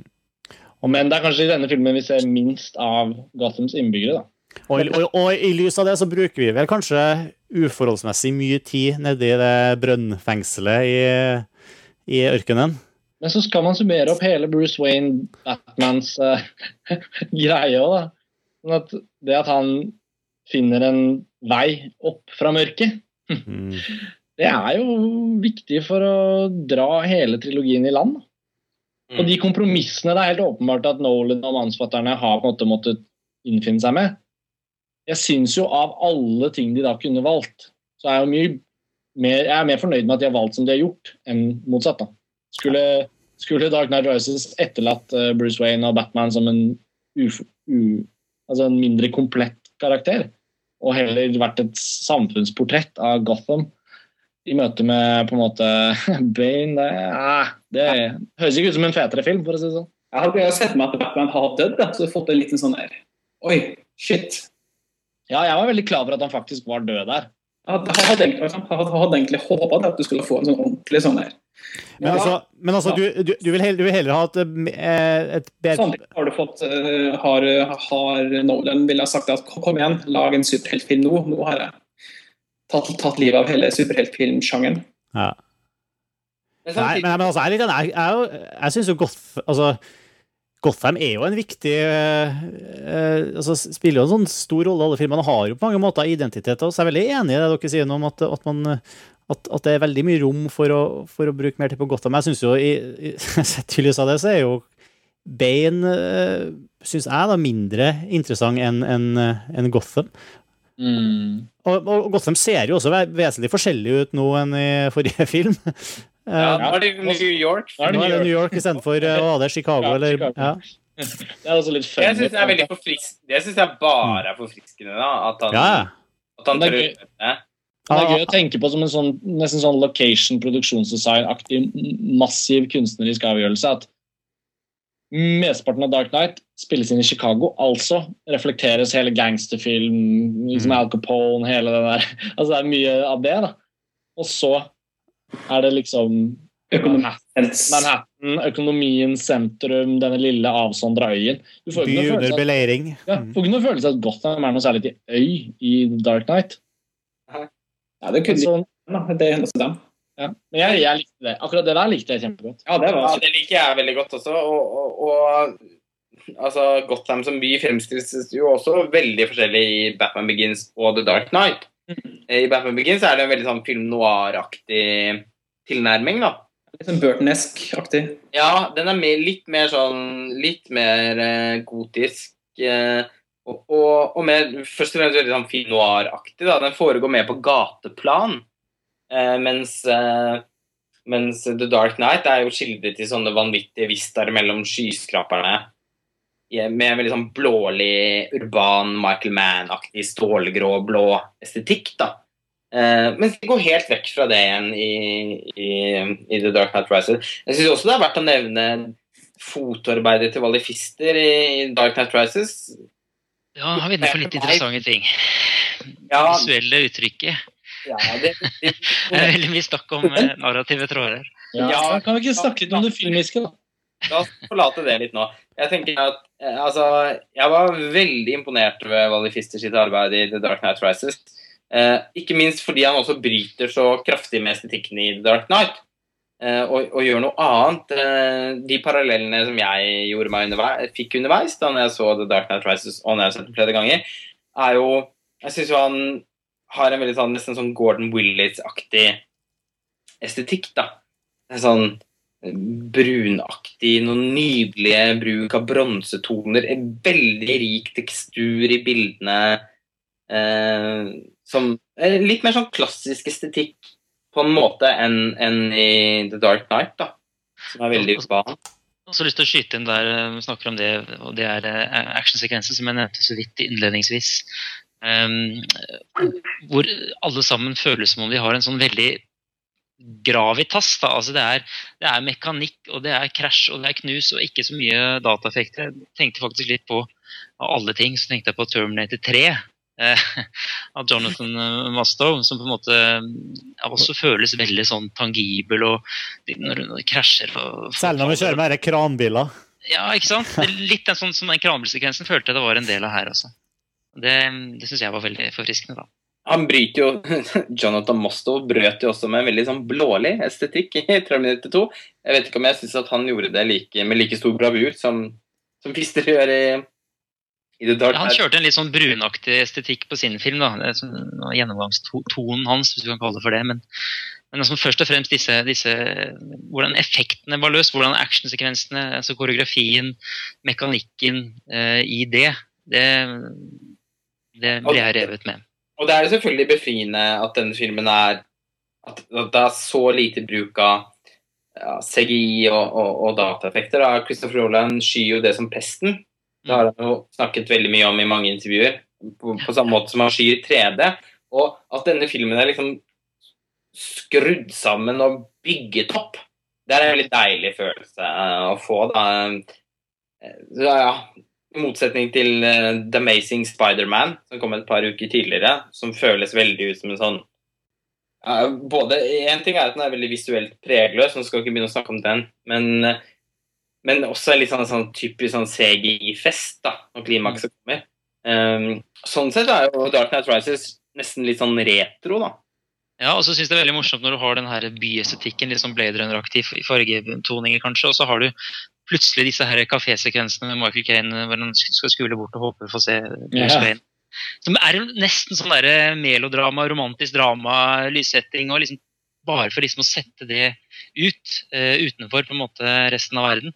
Jeg synes det var et sånn lite genistrek. Så jeg, jeg tenkte jo også om det kanskje kunne være i hvert fall siste sekvens om det kunne være en drøm som han hadde, men Det var i hvert fall ikke Gotham. Nei, det var ikke det. nei, ikke sant. Eh, Og det var veldig deilig, den, eller den, den, den, var, den var utrolig lekker, den scenen når eh, Batman og Catwoman flyr i The Bat. Nesten som Blade Runner, at de roterer ned og skal lande. Det var, Ja, det var jo Blade Runner-referanse, det der, faktisk. Mm. var nesten samme, eller det flyet så vel nesten ganske likt ut da, så vidt jeg husker. Mm. Husker Men jeg syns, syns dere ikke at Sorry. Ja, nei, jeg skulle si, Det husker jeg du kommenterte umiddelbart etter eh, pressevisningen. Ja, ikke sant? Litt sånn eh, Blade Runner-aktige scenario der. Landingen på politistasjonen og lysene. Om musikken også var litt sånn Vangelis-aktig der. Altså, det var en sånn totalpakke som bare var veldig kul. Ja, musikken Det er litt vi fint. også Ja, ja, musikken må vi snakke om. Men kan jeg bare kime inn med en ting der? Altså det, det, er, Ja. det er ganske fint å se at at Nolan og samarbeidspartnerne hans, og da kommer vi jo inn på Zimmer også Det har vært en ganske sånn fin utvikling, syns jeg. Ikke bare fra Batman-film til Batman-film i trilogien, men han har jo gått hen og laget filmer imellom. Og Det syns jeg man kan se. Jeg synes Det er kult å tenke på at han gjør Batman Begins, og så gjør han The Prestige. Ja. Og så gjør han The Dark Knight. Og så gjør han Inception. Og så The Dark Knight Rises. Og Jeg syns det er veldig mye Inception i The Dark Knight Rises, til min store glede. da. Ja. Eh, Jeg syns også Valor Fister har med seg ting derfra. altså Når vi snakker om slutten på Dark Knight Rises og, og, prøver å huske slutten på Inception, Ganske like. så er det jo noen veldig sterke ekkoer. Mm. Eh, Og det, det har jeg veldig sansen for. Jeg har veldig, veldig, veldig sansen for utviklingen i Nolans uttrykk gjennom Batman-filmene ved å vite at han lagde andre jævla bra filmer mellom. Mm. Det, det er veldig interessant å tenke på. Og eh, ikke minst sånn rent dramaturgisk sett, da, fordi eh, med Inception og The Dark Knight Rises så har liksom eh, Christopher Nolan blitt noe av en sånn klimaksbygger. da. Han, han kjører den samme eh, den samme strategien mot slutten av The Dark Knight Rises som han gjorde i Inception, med en sånn voldsom kryssklippingsinferno som, Mm. som skyter opp i en I hvert fall for meg det er en kjempe En bombe av, eh, av følelser. Atombombe. Ja, av følelser og, um, og forløsning til slutt. Og hvis man skal si, hvis man skal si noe Hvis man skal også ha noen innvendinger mot The Dark Knight da. Jeg så også den om igjen for ca. en måned siden. Det skal sies at Først og fremst ble jeg helt slått i bakken av hvor bra den filmen var. Jeg elsket filmen når den gikk på kino og så den mange ganger. og, og i det hele tatt, men Uh, og så har jeg hatt en liten pause fra den, men når jeg nå vendte tilbake til den, så, så ble jeg jo nesegrus uh, imponert da, over hvor bra den filmen er. Men på tross av det uh, Hadde hele The Dark Knight vært like bra som den, den første De første den første timen og 45 minuttene, eller der omkring, så hadde jo filmen vært altså nesten tenker jeg liksom sånn topp ti, sånn rent personlig, nesten noensinne. Den, den, den har veldig mange sånne ting som jeg helt personlig kikker på, da. Men den siste halv, spesielt de siste, siste 45 minuttene omtrent i The Dark Knight syns jeg er markant svakere enn enn en den første delen av filmen. Og det samme gjelder Batman Begins. Den siste halvtimen i Batman Begins Ja, jeg er helt enig. Der ramler det litt sammen. Altså. Ja, det, det, det der er Eller det gjør ikke det, men det er, det er tendenser til det. Ja. det er fortsatt veldig bra, men, men, det liksom, men det er ikke på samme nivå. Og Det samme i Batman, altså, eller i The Dark Knight. altså eh, Sekvensen på slutten hvor Batman står i denne uferdige skyskraperen med disse Night Vision-brillene og sånn, der er det ikke helt på høyde. Det er ikke noe tvil om, synes jeg, at høydepunktene i The Dark Knight befinner seg på midten av filmen.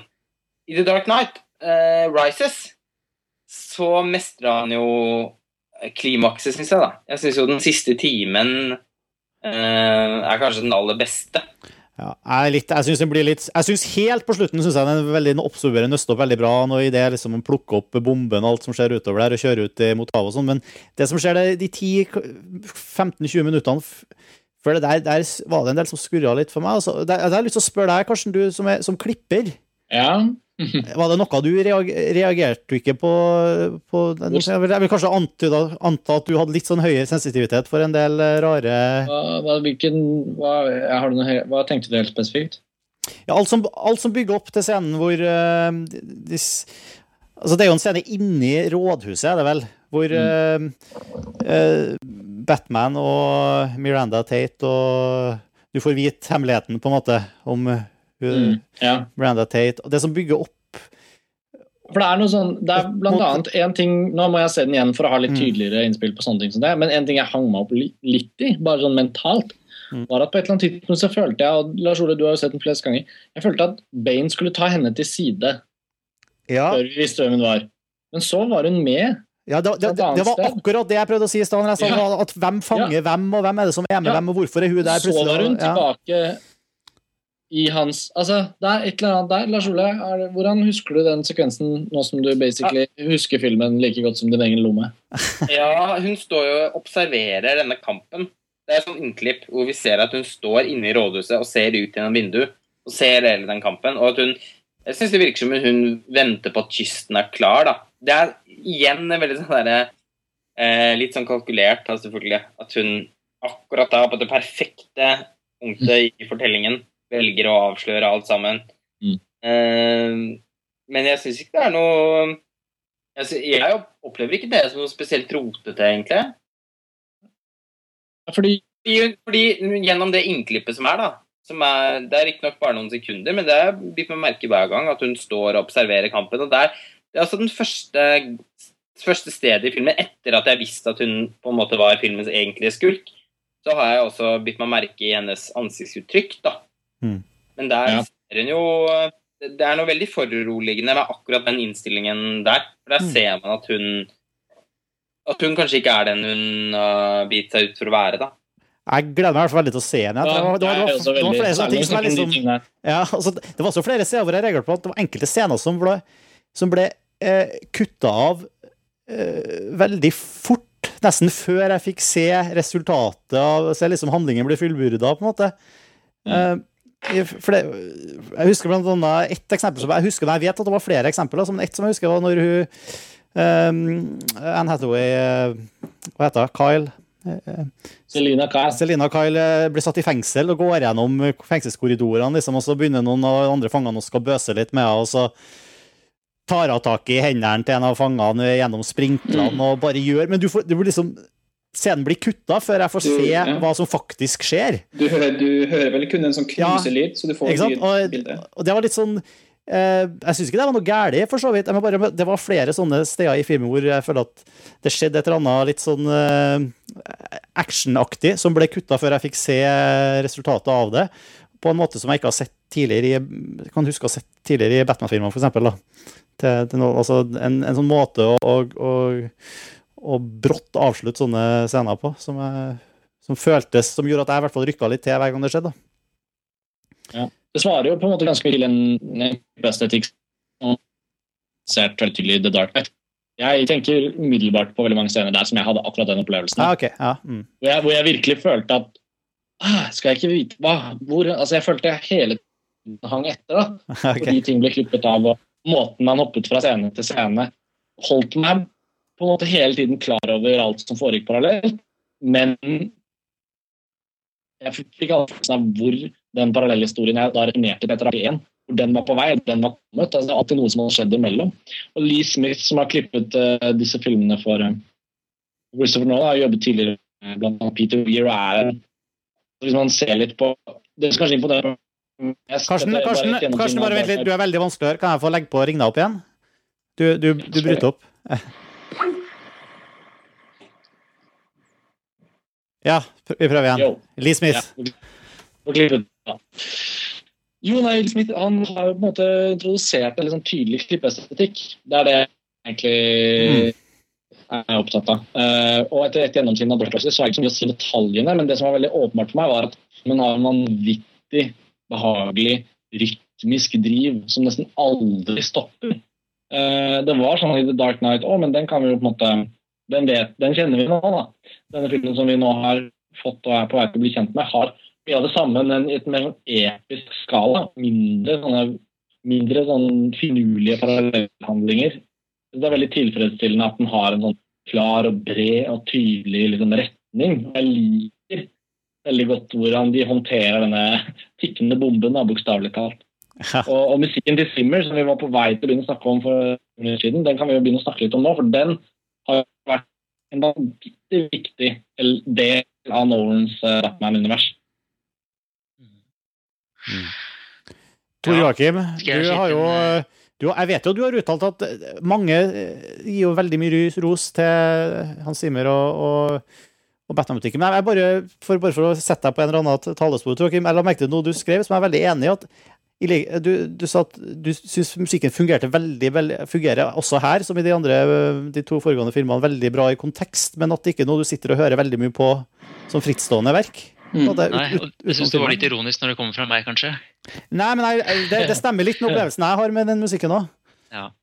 Nei, det er det, er det, det, er det. Altså, Når jeg sier at den fungerte bra i filmen, så, så gjør den det. Selv om jeg synes i Dark Night Rises var det et par steder hvor den ble slukt opp, sånn som ofte er tilfellet av, av lydeffekter. Så var det også et par steder hvor den var mikset veldig høyt. Eh, så den hadde det spekteret der. Men nei, altså jeg syns jo det at den, den ligger så godt som en sånn, sånn puls hele veien. For det er veldig sånn ostinatrevet hele tiden. Eh, og så har du det, en del mørke droner og sånne ting. Eh, og det passer så fint til det, den fargesjatteringene til Nolan og, og sånne ting. Men eh, det, er min, det er ikke min favoritt sånn simmer-lydbilde, altså, på noen måte. Det, det er det ikke. Men Da Kan jeg spørre om ting? ja. Jeg følte, og det har jeg jo snakka med, med andre om, at jeg følte at det var kanskje ekstrem bruk av ledermotiv i de filmene nei, i The Dark Night Rises enn de foregående.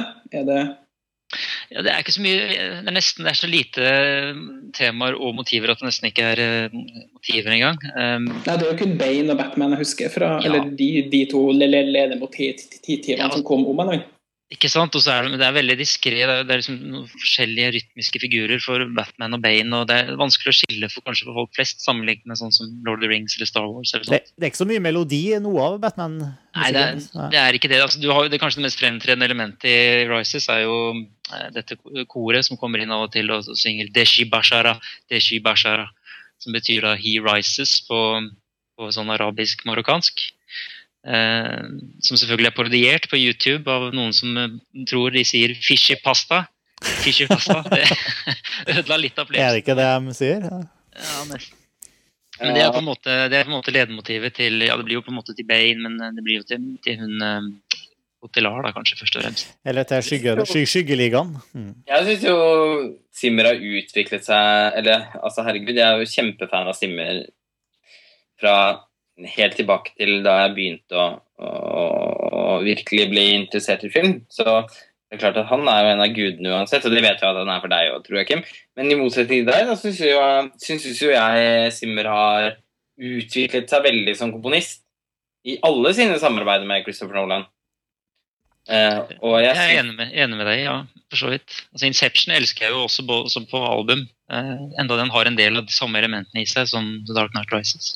Ja, det er, hans, det er blitt mitt favorittsoundtrack av Hans Zimmer. Hørte på det senest i går i sin helhet. Eh, det er jo bare helt makeløst. Nå skal vi ikke begynne å snakke om det.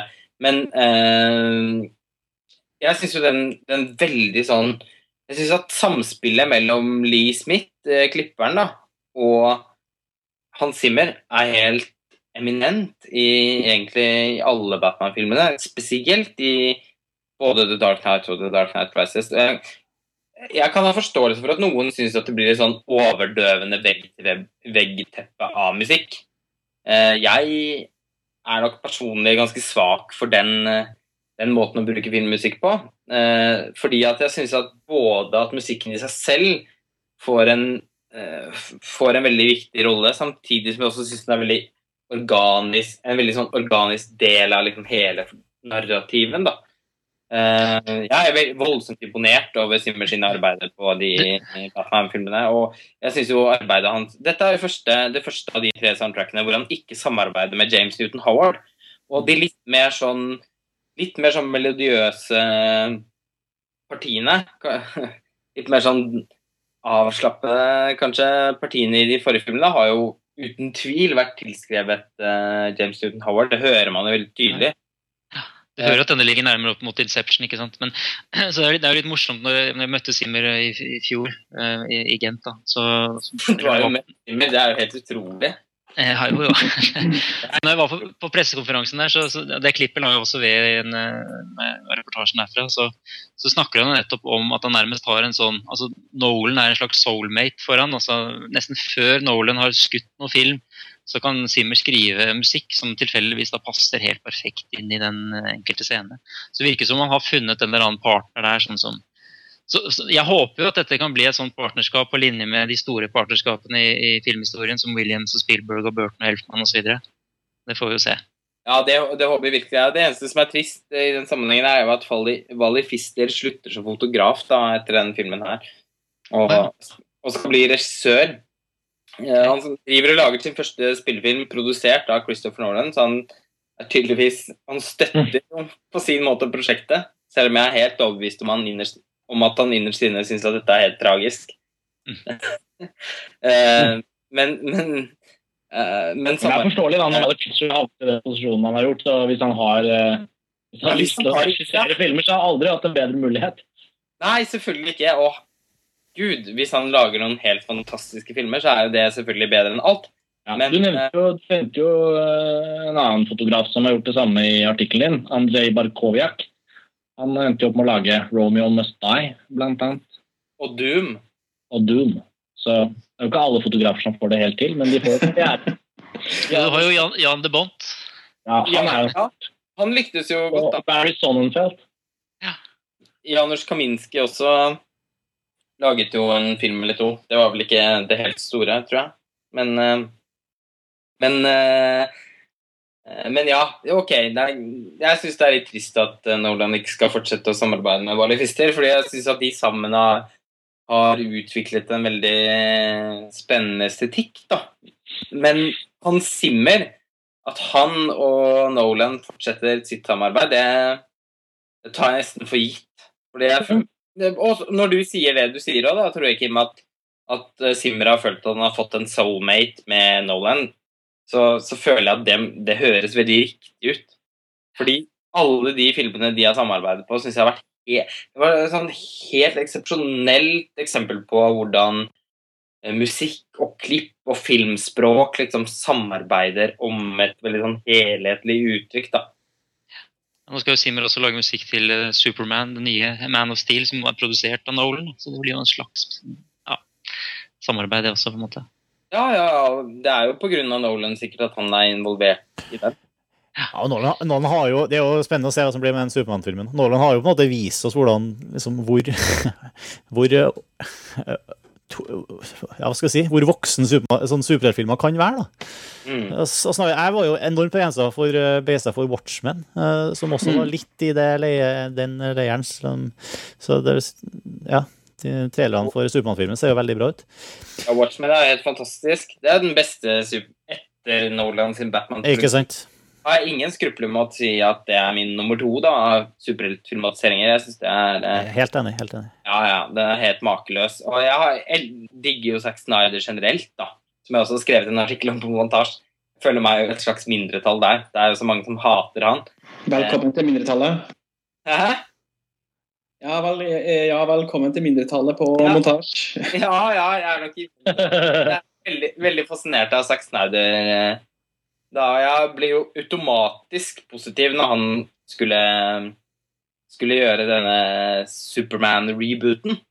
Og med og Det er morsomt Det har jeg skjønt via artikler på internettet, sånn at han og Christopher Nolan er jo kamerater. da.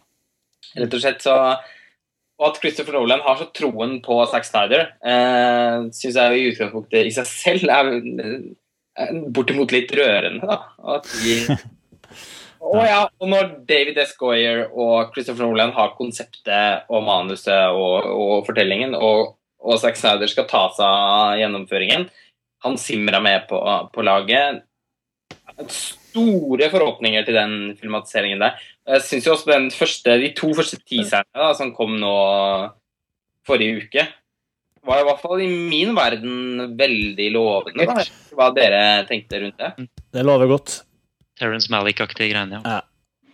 Ja, så Var ikke det veldig flott? Det er jo Jeg, kjempe, Men eh, hvis vi skal prøve å Ja, sorry, Karsten. Kjør. Ja, nei, Martin, du skal ikke si det samme som meg. Ja, jeg tenkte å si at vi skal prøve liksom å roe i land uh, Dark Knight-diskusjonen vår. Jeg hadde lyst til å si noe sånt som at, at det er veldig, det er veldig sånn vi, og de, de fleste av oss med mulig unntak av Sivert virker kanskje enige om at, uh, om at Nolan nå liksom har fullført en, en av de virkelig store, vellykka og veldig få, eh, som det finnes få, vellykka trilogier, hvor alle tre filmene er eh, genuint eh, gode til beinet. Eh, du har Lord of the Rings, selvfølgelig. Star Wars eh, føyer seg nok i den rekka. Kanskje vil noen si jeg vet ikke, Back to the Future, muligens. Toy Story. Men Alien. og, ja, eh, ja, det, det er ikke en trilogi. selv om den er mer diskutabel, og det er jo ikke en Ja, det er ikke trilogi. på sånn samme sett. måte trilogi. Og eh, apropos mindretall, vil jeg trekke fram Matrix-trilogien, men eh, der er jeg en, enda mer alene enn Lars Ole. Velkommen. Og- Men, men uansett, det er virkelig et sånt uh, Vi må ikke Gudfaren. Jeg glemmer tror Jo, men der, men der er det også sånne svarte får som, som hvor ikke er genuin, liksom, hvor ikke er allment eh, opplest og vedtatt at det her er på en måte Ja, at det her er kvalitet fra ene til annen. det er, det er jo svært få trilogier som har klart å lage filmer hvor man kan si at de aller fleste er enige om at de sammen er på et sånn relativt samme nivå. da. Mm. Eh, Det gjelder jo Gudfaren-trilogien. Og Gudfaren del 3 er en, jeg synes det er en veldig god film, men den er ikke i nærheten av del 1 og 2. Det er selvfølgelig et nivå som det er helt umulig å konkurrere med. Også for Christopher Nolan sine Batman-filmer. Men, ehm, men Lord of the Rings er jo uh, et godt eksempel å nevne. Det, mange vil jo også si at Return of the Jedi er svakere enn de to første eh, filmene i Star Wars-trilogien. Jeg er ikke helt enig i det, for jeg har alltid vært veldig glad i den. Men uh, Men, men han er jo en av de få som faktisk har klart å lage en trilogi hvor alle filmene er Hvor man kan si at den første Jeg tror konsensus uansett inn, jeg, registrerer jo på nettet sånn, sant? det er veldig mange innvendinger mot The Dark Knight Rises. Men like fullt så har den fått eh, Hvis vi tar eh, Rotten Tomatoes og Metacritic og disse stedene som målestokk, veldig, veldig sterk mottakelse. Den er foreløpig høyt elsket på Internet Movie Database. Eh, Den, den regnes liksom Jeg tror de fleste ville sagt at Batman Begins er det svakeste leddet i en trilogi. Og det er det få eksempler på gjennom filmhistorien. Mm. Smokey and the Bandit. Ok, før vi sklir ut på trilogier, kanskje vi skal ha Det blir faktisk neste spesialepisode kanskje av Filmfrelst. Det er topp, topp Ja, tre er- tro- topp morsom idé. trilogier. Mm. Morsom idé. Morsom det. Ok. Tre trilogier. Ja. Eh, det, er, eh, det er i hvert fall gjennomført eh, på en utrolig måte, da, uavhengig av hvordan vi ender opp med å vurdere alt. Så det blir jo, vi, kommer, vi er ikke ferdig med Nolans Batman-trilogi, tror jeg. Nei. Selv om den er avsluttet. Jeg er veldig spent på hva Christopher Nolan skal lage for slags film neste gang. ja, det blir, det blir spennende. Han har jo ikke annonsert det. Ja, det er han, jo, han er jo ikke en veldig gammel mann. Nei. Han har jo skrevet seg ettertrykkelig inn i filmhistorien, og ja, nå føler jeg jeg må sjekke det mens vi snakker. Hvor gammel er han egentlig? Han er 42. 42. 42 år gammel. Han hadde bursdag i går. Mm. Han er 42 år gammel, liksom. Han skal lage film i minst, eh, forhåpentligvis, da, minst 30, kanskje 40 år til. Jeg bare se på Clint Eastwood. Ja, ikke sant? Eller, eh, eller Ridley Scott, for den saks skyld. Ridley Scott, for den gangs skyld. Er gammel. Mm. Så det. Yes. Vi vil i hvert fall veldig gjerne høre hva dere syns om The Dark Knight Rises. Og dere som ikke allerede har boltra dere på kommentarfeltene eh, både under Lars Oles eh, omtale og Tor Joakims eh, musikkomtale osv., kan jo også benytte kommentarfeltet til denne episoden her. Eller send oss gjerne mail og sånt til adressen vår til, til Filmfrelst. Det er filmfrelst at montasj.no. Og, og vi er bare for å inn, altså Hvis det var noen som var nå veldig, veldig Hvis det var noen som hadde forventet at episode 100 skulle være en sånn stravagant, eh, konseptuell uh, podkast-idé, så frykt ikke. Kommer nok tilbake til det. Ja. Eh, men kanskje man kan bare ha det på en hvilken som helst episode. Det trenger ikke nødvendigvis være en jubileumsepisode. Jeg synes i hvert fall, når alt kom til alt, at det var ganske deilig å snakke om en film, sånn som vi på en måte Som er Det- vårt konsept. Det er jo det artigste. Det er jo det, når alt kommer til alt. Ellers så vil jeg også gjerne benytte sjansen. Vi har, fått en, eh, altså vi har jo masse morsomme eh, blogger. Folk som begynner å blogge under eh, montasjenettverket vårt. Så jeg har også lyst til å bare anbefale varmt en av de nye tilskuddene til, til bloggnettverket som heter Sorry, til bloggnettverket, som er Filmjunkiene. Ja, det var jo skitkult. Det var kjempeartig. Jeg var helt overraska. Jeg, liksom, jeg hadde ikke hørt om dem før, men de har jo nå kommet til episode 40. De lager altså video eh, videopodkaster om eh, B-filmer.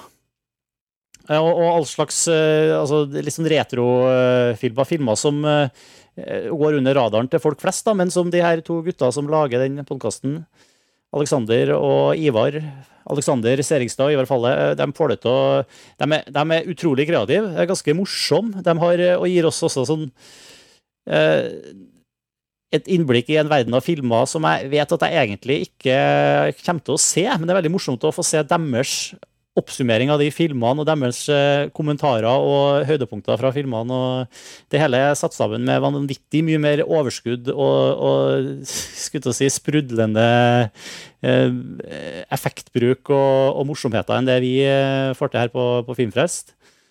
Så det er i hele tatt eh, bare varme ord å si om, eh, om filmjunkiene, som dere finner altså på filmjunkiene.montasj.no. Jeg kan skrive under på den anbefalingen. i fall. Det er veldig morsomt å følge med på. En annen blogg eh, som har dukket opp på, på montasje i løpet av de siste, de siste månedene, i hvert fall er den Ekkelt-bloggen. Den vil jeg også anbefale, da. Hvor Jeg er enig.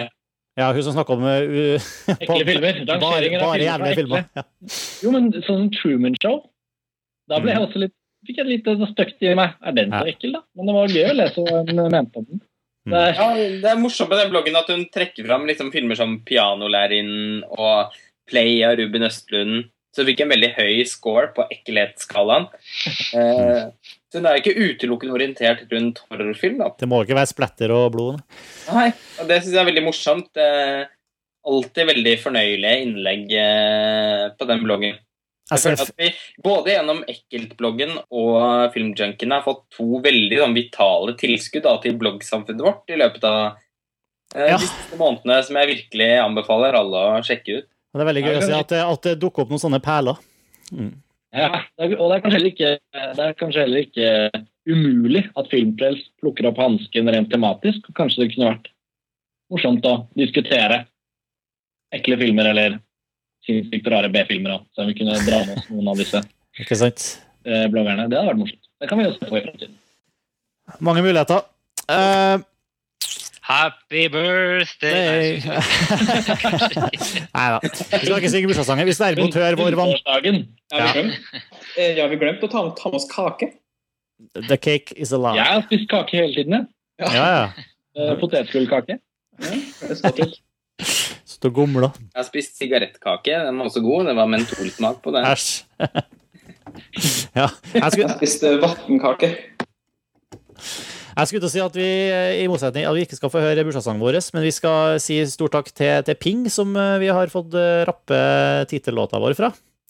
Og minne igjen om at de har et eh, ferskt eh, album ut. Og dere kan finne mer om eh, bandet på thepingpage.com. Nye albumet heter The Hurricane Spoof, og kjenningsmelodien er eh, fra, fra det albumet. Fra en låt som heter Flesh With A Wish som har vært med oss i eh, 100 episoder, vel. Mm. Yes, nei, men Takk for laget, folkens. Jo. Jeg er litt, vi har vel halvveis eh, Ja, jeg vet ikke hva neste episode kommer til å bli. Det er mulig at det blir Total Recall. Jo. Wow, Og Paul. Verhoeven, det var Yay. livet Jeg Ja, likte den. Ja. Det blir gøy. Jeg håper vi går for det. Hvis ikke, så blir det noe annet. Ja. Filmfest er tilbake om eh, et par uker. Takk for i kveld. Takk for i kveld. Ha det.